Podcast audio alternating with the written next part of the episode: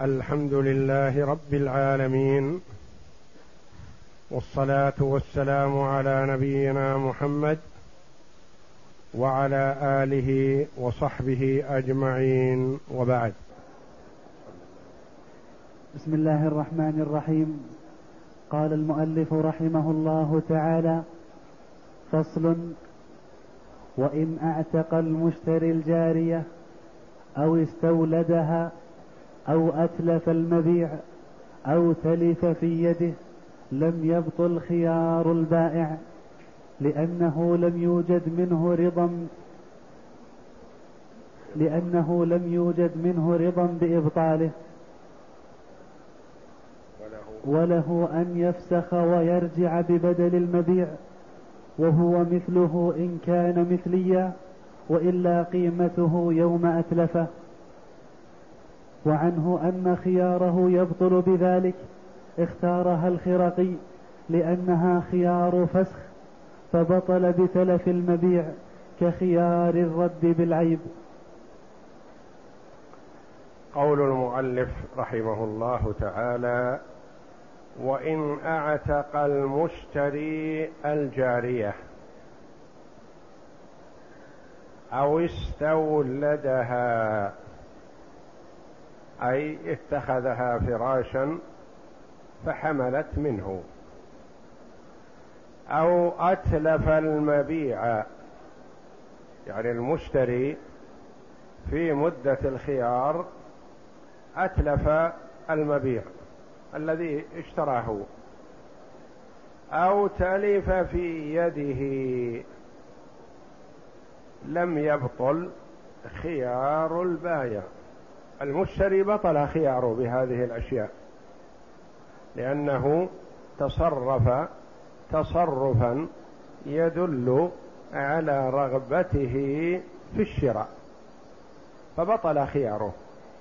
أما بالنسبة للبائع فلا يبطل خياره بل هو على خياره. كيف يتخلص أو كيف يأخذ حقه إذا قلنا على خياره. والجارية عتقت. أو الجارية أصبحت أم ولد لمن اشتراها. أو المبيع تلف. كيف يسترجع حقه؟ يقول إن كان المبيع مثليا رد عليه مثله. وإن لم يكن مثلي رد عليه قيمته وقت تلفه أو وقت عتقه. فمثلا اشترى زيد من عمرو جارية بعشرة آلاف ريال. وشرط كل واحد منهما لصاح لنفسه الخيار لمدة شهر. الجارية بعشرة آلاف. ولكل واحد منهما الخيار لمدة شهر. المشتري. أعتق الجارية خلال هذا الشهر. هذا واحد. المشتري وطئ الجارية فحملت منه. فتبين أنها حامل خلال هذا الشهر. المشتري تسبب لموت الجارية. ماتت. البايع لا يزال على خياره لمدة الشهر. افرض أنه رد البيع عدل عن البيع. الجارية عتقت أو حملت أو ماتت. على ماذا يحصل؟ يحصل على قيمتها يوم عتقها أو حملها أو موتها. أليس قيمتها موجودة؟ يأخذ القيمة ويستريح لا. لأنه ما عدل عن البيع إلا وقد استقل القيمة. لأنه باع الجارية هذه بعشرة آلاف. خلال هذا الشهر تبين له أنه مغلوب بالجارية. وأنها تساوي خمسة عشر. المشتري أعتقها. ما باعها ولا استفاد شيء إلا الأجر من الله. البائع يطالب بالجارية الجارية عتقت. يطالب بماذا؟ بالعشرة الآلاف أو بخمسة عشر ألف اللي هي تساوي يوم عتقها. هذا فائدة قولنا لم ينفسخ خياره. لأنه قد يقول قائل انفسخ خياره أو لم ينفسخ خياره ماذا يستفيد؟ باع الجارية بعشرة آلاف يأخذ العشرة وخلاص والجارية عتقت أو ماتت أو حملت. لن تعود إليه. انفسخ خياره يأخذ العشرة. إذا انفسخ خي... إذا لم ينفسخ خياره ماذا يستفيد؟ نقول يستفيد. يستفيد يطالب بمثلها إن كانت مثلية. ما هي مثلية؟ الجارية ما هي مثلية لأنها تتفاوت الجواري. يطالب بقيمتها يوم حرمه منها المشتري. يوم أعتقها تساوي خمسة عشر ألف وهو يوم باعها بعشرة آلاف. يطالب بماذا؟ إذا قلنا انفسخ خياره ما له إلا العشرة. إذا قلنا لم ينفسخ خياره يطالب بالقيمة اللي تسوى فيطالب بخمسة عشر ألف. يقول لم يبطل خيار البايع لأنه على خياره لأنه لم يوجد منه رضا بإبطاله. وله أن يفسخ ويرجع ببدل المبيع. المبيع إذا كان مثلي مثل أطعمة أو ملبوسات أو نحوها يطالب بمثلها. أو أشياء لها مثيل مساوي. وإذا لم يكن لها مثلي فيطالب بقيمتها يوم أتلفها المشتري أو يوم أعتقها أو يوم استولدها. وعنه أن خياره يبطل. رواية عن الإمام أحمد. أن الخيار يبطل. وماذا يكون له إذا بطل الخيار؟ له القيمة له القيمة التي اتفق عليها أصلا. وعنه أنه يبطل خياره بذلك اختارها الخرقي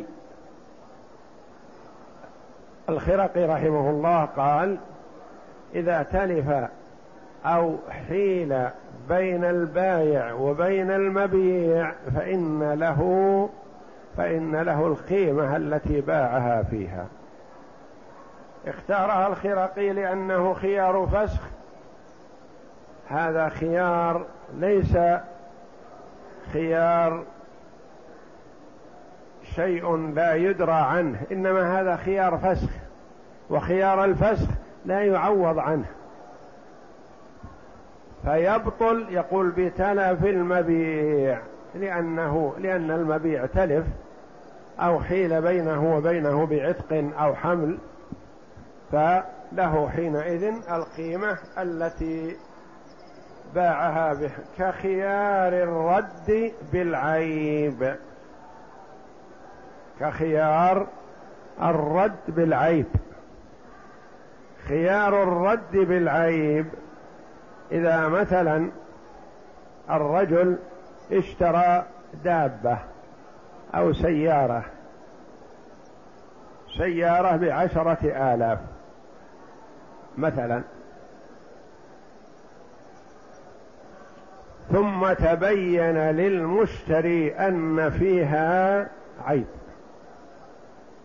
فهو بالخيار. إن شاء أخذها بقيمتها. إن كان العيب سهل. وإن شاء ردها وأخذ القيمة كاملة. افرض أنه أراد ردها. بالعيب فتلفت في يده. ماذا له؟ ليس له إلا ذاك ليس له إلا القيمة وهذا هو الذي تلفت العين بيده ليس له شيء. كخيار الرد بالعيب بالنسبة للمشتري بالخيار إن شاء رد وإن شاء قبلها بالقيمة. وبالنسبة للبائع سترد عليه بالعيب مثلا انتهت ماتت تلفت ذهبت. فله القيمة التي وصلته. نعم. اقرأ. فصل. وإن مات أحد المتبايعين بطل خياره ولم يثبت ولم يثبت لورثته. لأنه حق فسخ لا يجوز الاعتياض عنه فلم يورث كخيار الرجوع في الهبة. فصل. وإن مات أحد المتبايعين في مدة خيار الشرط بطل خياره ولا يورث عنه. مثلا اشترى عينا بكذا وشرط المشتري لنفسه الخيار لمدة عشرة أيام. بعد مضي سبعة أيام من مدة الخيار مات المشتري. انتهى خياره لأن خيار الشرط لا يورث. إنما جعل للمشتري نفسه ليختار أي الأمرين أحب إليه. وهذا الشيء لا يورث عنه لأنه لا يعوض عنه بالمال. لا يقال نشتري خيارك عشرة الأيام بألف ريال أو أقل أو أكثر لا. يختار البيع ويختار الرد. فلا ينتقل خيار الشرط إن مات صاحبه لوارثه بل يلزم البيع حينئذ. قال كخيار الرجوع في الهبة. كخيار الرجوع في الهبة مثلا هو وهب شيئا ما وله الخيار. ثم مات في هذه المدة ليس للوارث الرجوع في الهبة لأنه ما وهب شيئا من أجل أن يرجع فيه. فالرجوع في الهبة لا يورث عن الواهب. نعم. ويتخرج أن يورث قياسا على الأجل في الثمن. قول آخر يتخرج يحتمل أن يورث خيار الشرط فمثلا يأتي الورثة ويقول صاحبنا اشترى هذا البيت وجعل لنفسه الخيار لمدة شهر. ثم إنه بعد مضي عشرين يوما من هذا الشهر مات.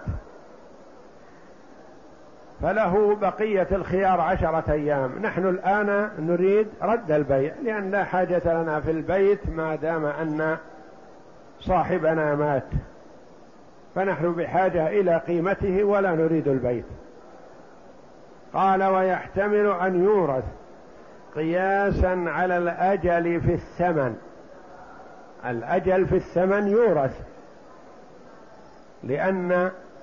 للمشتري والبائع له مصلحة في هذا وللوارث كذلك فمثلا المشتري اشترى البيت بألف ريال واشترط أن الثمن مقسط. كل شهر يدفع كذا. مات الملتزم بالدفع. هل يحل الدين؟ لا. يلتزم الورثة بما التزم به صاحبهم ويقومون به لأن لهم مصلحة في هذا التأجيل. فرق بين أن يدفعوا الثمن كاملا أو يدفعوا كل شهر خمسين ريال مثلا. فالأجل يورث. ما يقال بعد موت المشتري حل الدين؟ لا ما يحل. إلا على حسب الترتيب إلا في حال كما سيأتينا إذا خشي أن يضيع الحق على صاحبه فالقاضي يقول سددوا أو التزموا بأن تدفعوا. لأنه محتمل يتقاسمون التركة ثم يذهبون ولا أحد يسدد. فإذا التزم أحدهم أو فيه عقار يبقى يسدد منه فلا يحل المؤجل لأن لهم مصلحة في التعجيل فرق بين أن يدفعوا مثلا مليون بعد موت مورثهم دفعة واحدة قيمة البيت أو يكون مؤجل كل سنة يدفعون خمسين ألف ونحو ذلك. فاختار بعض العلماء أن خيار الشرط باق بحاله مثل خيار مثل الأجل في الثمن. نعم. وإن جن أو أغمي عليه قام وليه مقامه لأنه قد تعذر منه الاختيار مع بقاء ملكه. وإن جن أو أغمي عليه خياره باقي ومن يقوم عنه وليه. كيف قلتم إذا مات بطل خياره؟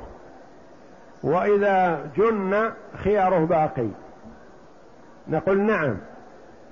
إذا مات ماله ملك انتقل ملكه.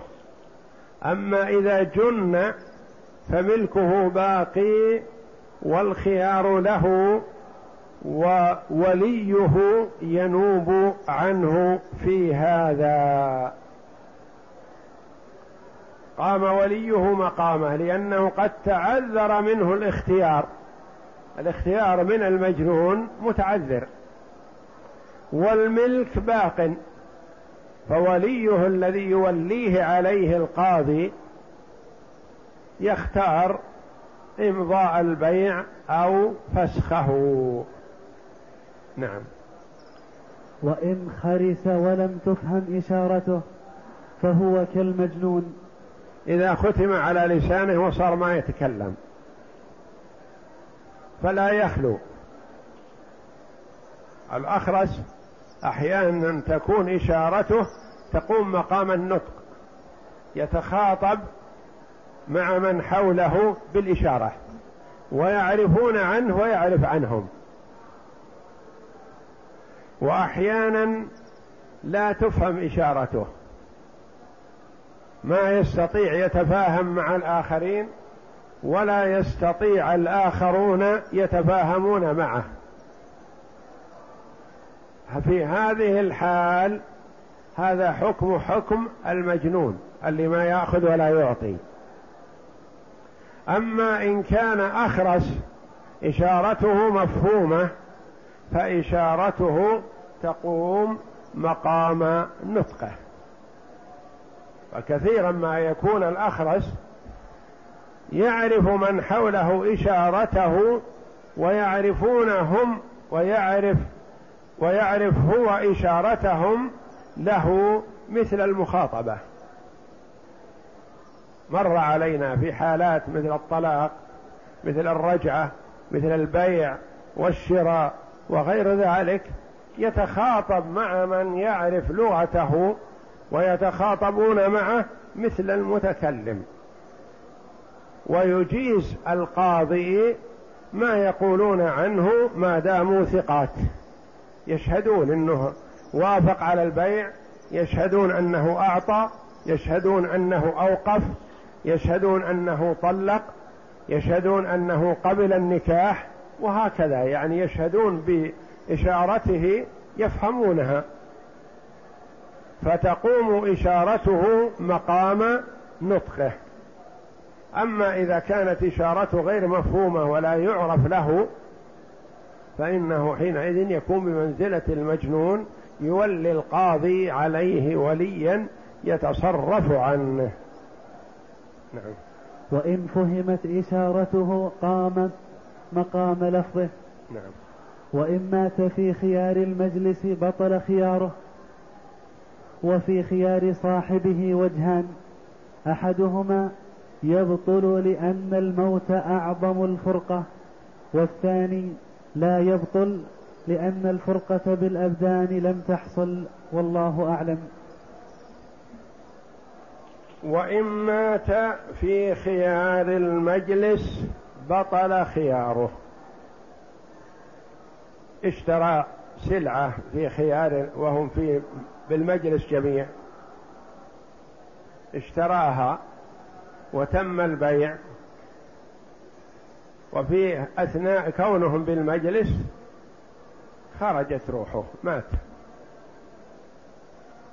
فهل لوارثه إبطال هذا البيع؟ لا. البيع صحيح. ومتى لزم؟ لزم بالتفرق. التفرق ما حصل لكن تفرقت الأرواح.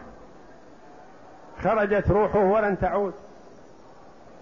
فحصلت فرقة كبرى. بطل خياره. هذا لا شك فيه. هو بطل خياره. انتهى. صاحبه هل بطل خياره وهو لا يزال جالس في المجلس؟ قيل يبطل خياره. لأن لأنه هو وصاحبه هو وصاحبه تفرقا. لا تفرق بدني وإنما تفرق أرواح. هذا حي وهذا ميت. فبطل خيار الاثنين فيعتبر موت أحدهما بمنزلة التفرق بينهم. الوجه الثاني قال لا يبطل خياره لأن الثاني ما قام من المجلس. فيشهد بأنه أبطل البيعة مثلا هذه سواء كان بايع أو مشتري لأنه لا زال في المجلس. قال والوجه الثاني لا يبطل لأن الفرقة ما حصلت المعروفة فرقة الأبدان. إنما حصلت فرقة الأرواح وفرقة الأرواح لم يعلق عليها أحكام وإنما المعلق عليه فرقة الأبدان لقوله صلى الله عليه وسلم البيعان بالخيار ما لم يتفرقا. يقول أنا بالخيار وأنا ما قمت عن صاحبي أنا وإياه سواء ما فارقته فأنا وياه سواء وقد يكون له نظر في إبطال البيع لأن صاحبه يستطيع أن يتفاهم معه في البيع والشراء وقبض الثمن. لكن الآن سيكون المال مال وارث. وربما واحد في الشرق وواحد في الغرب. متى يجمعهم ومتى يأخذ حقه؟ ويتعب في هذا. فمن مصلحته أن يبطل البيعة في المجلس. ويقول اشهدوا أنا أبطلت البيعة لأني لا أزال في المجلس. فالقول الأول أنه لا يبطل خياره بل إذا أعلن بطلان البيع أبطله. والقول الآخر يبطل خياره. القول الثاني لا يبطل خيار الأول أنه يبطل خيار صاحبه قال لأن التفرق في البدن ما حصل لكن حصل التفرق بالروح الذي هو الموت. والموت أعظم فرقة لكن أعظم فرقة لصاحبي أنا ما تفرقت وإياه أنا ملازم مكاني ولم يكن هو مشى وذهب عني وأقررت على هذا. ربما لو أدبر عني قال أريد أن أذهب أقول لا تعال أبطلنا البيعة. لكن الآن هو لا يزال معي وإنما مات. وأنا أريد إبطال البيع. فكون خياره باق بحاله ما لم يقم من مجلسه الذي هو فيه هذا أولى والله أعلم. وصلى الله وسلم وبارك على عبده ورسول نبينا محمد. وعلى آله وصحبه أجمعين.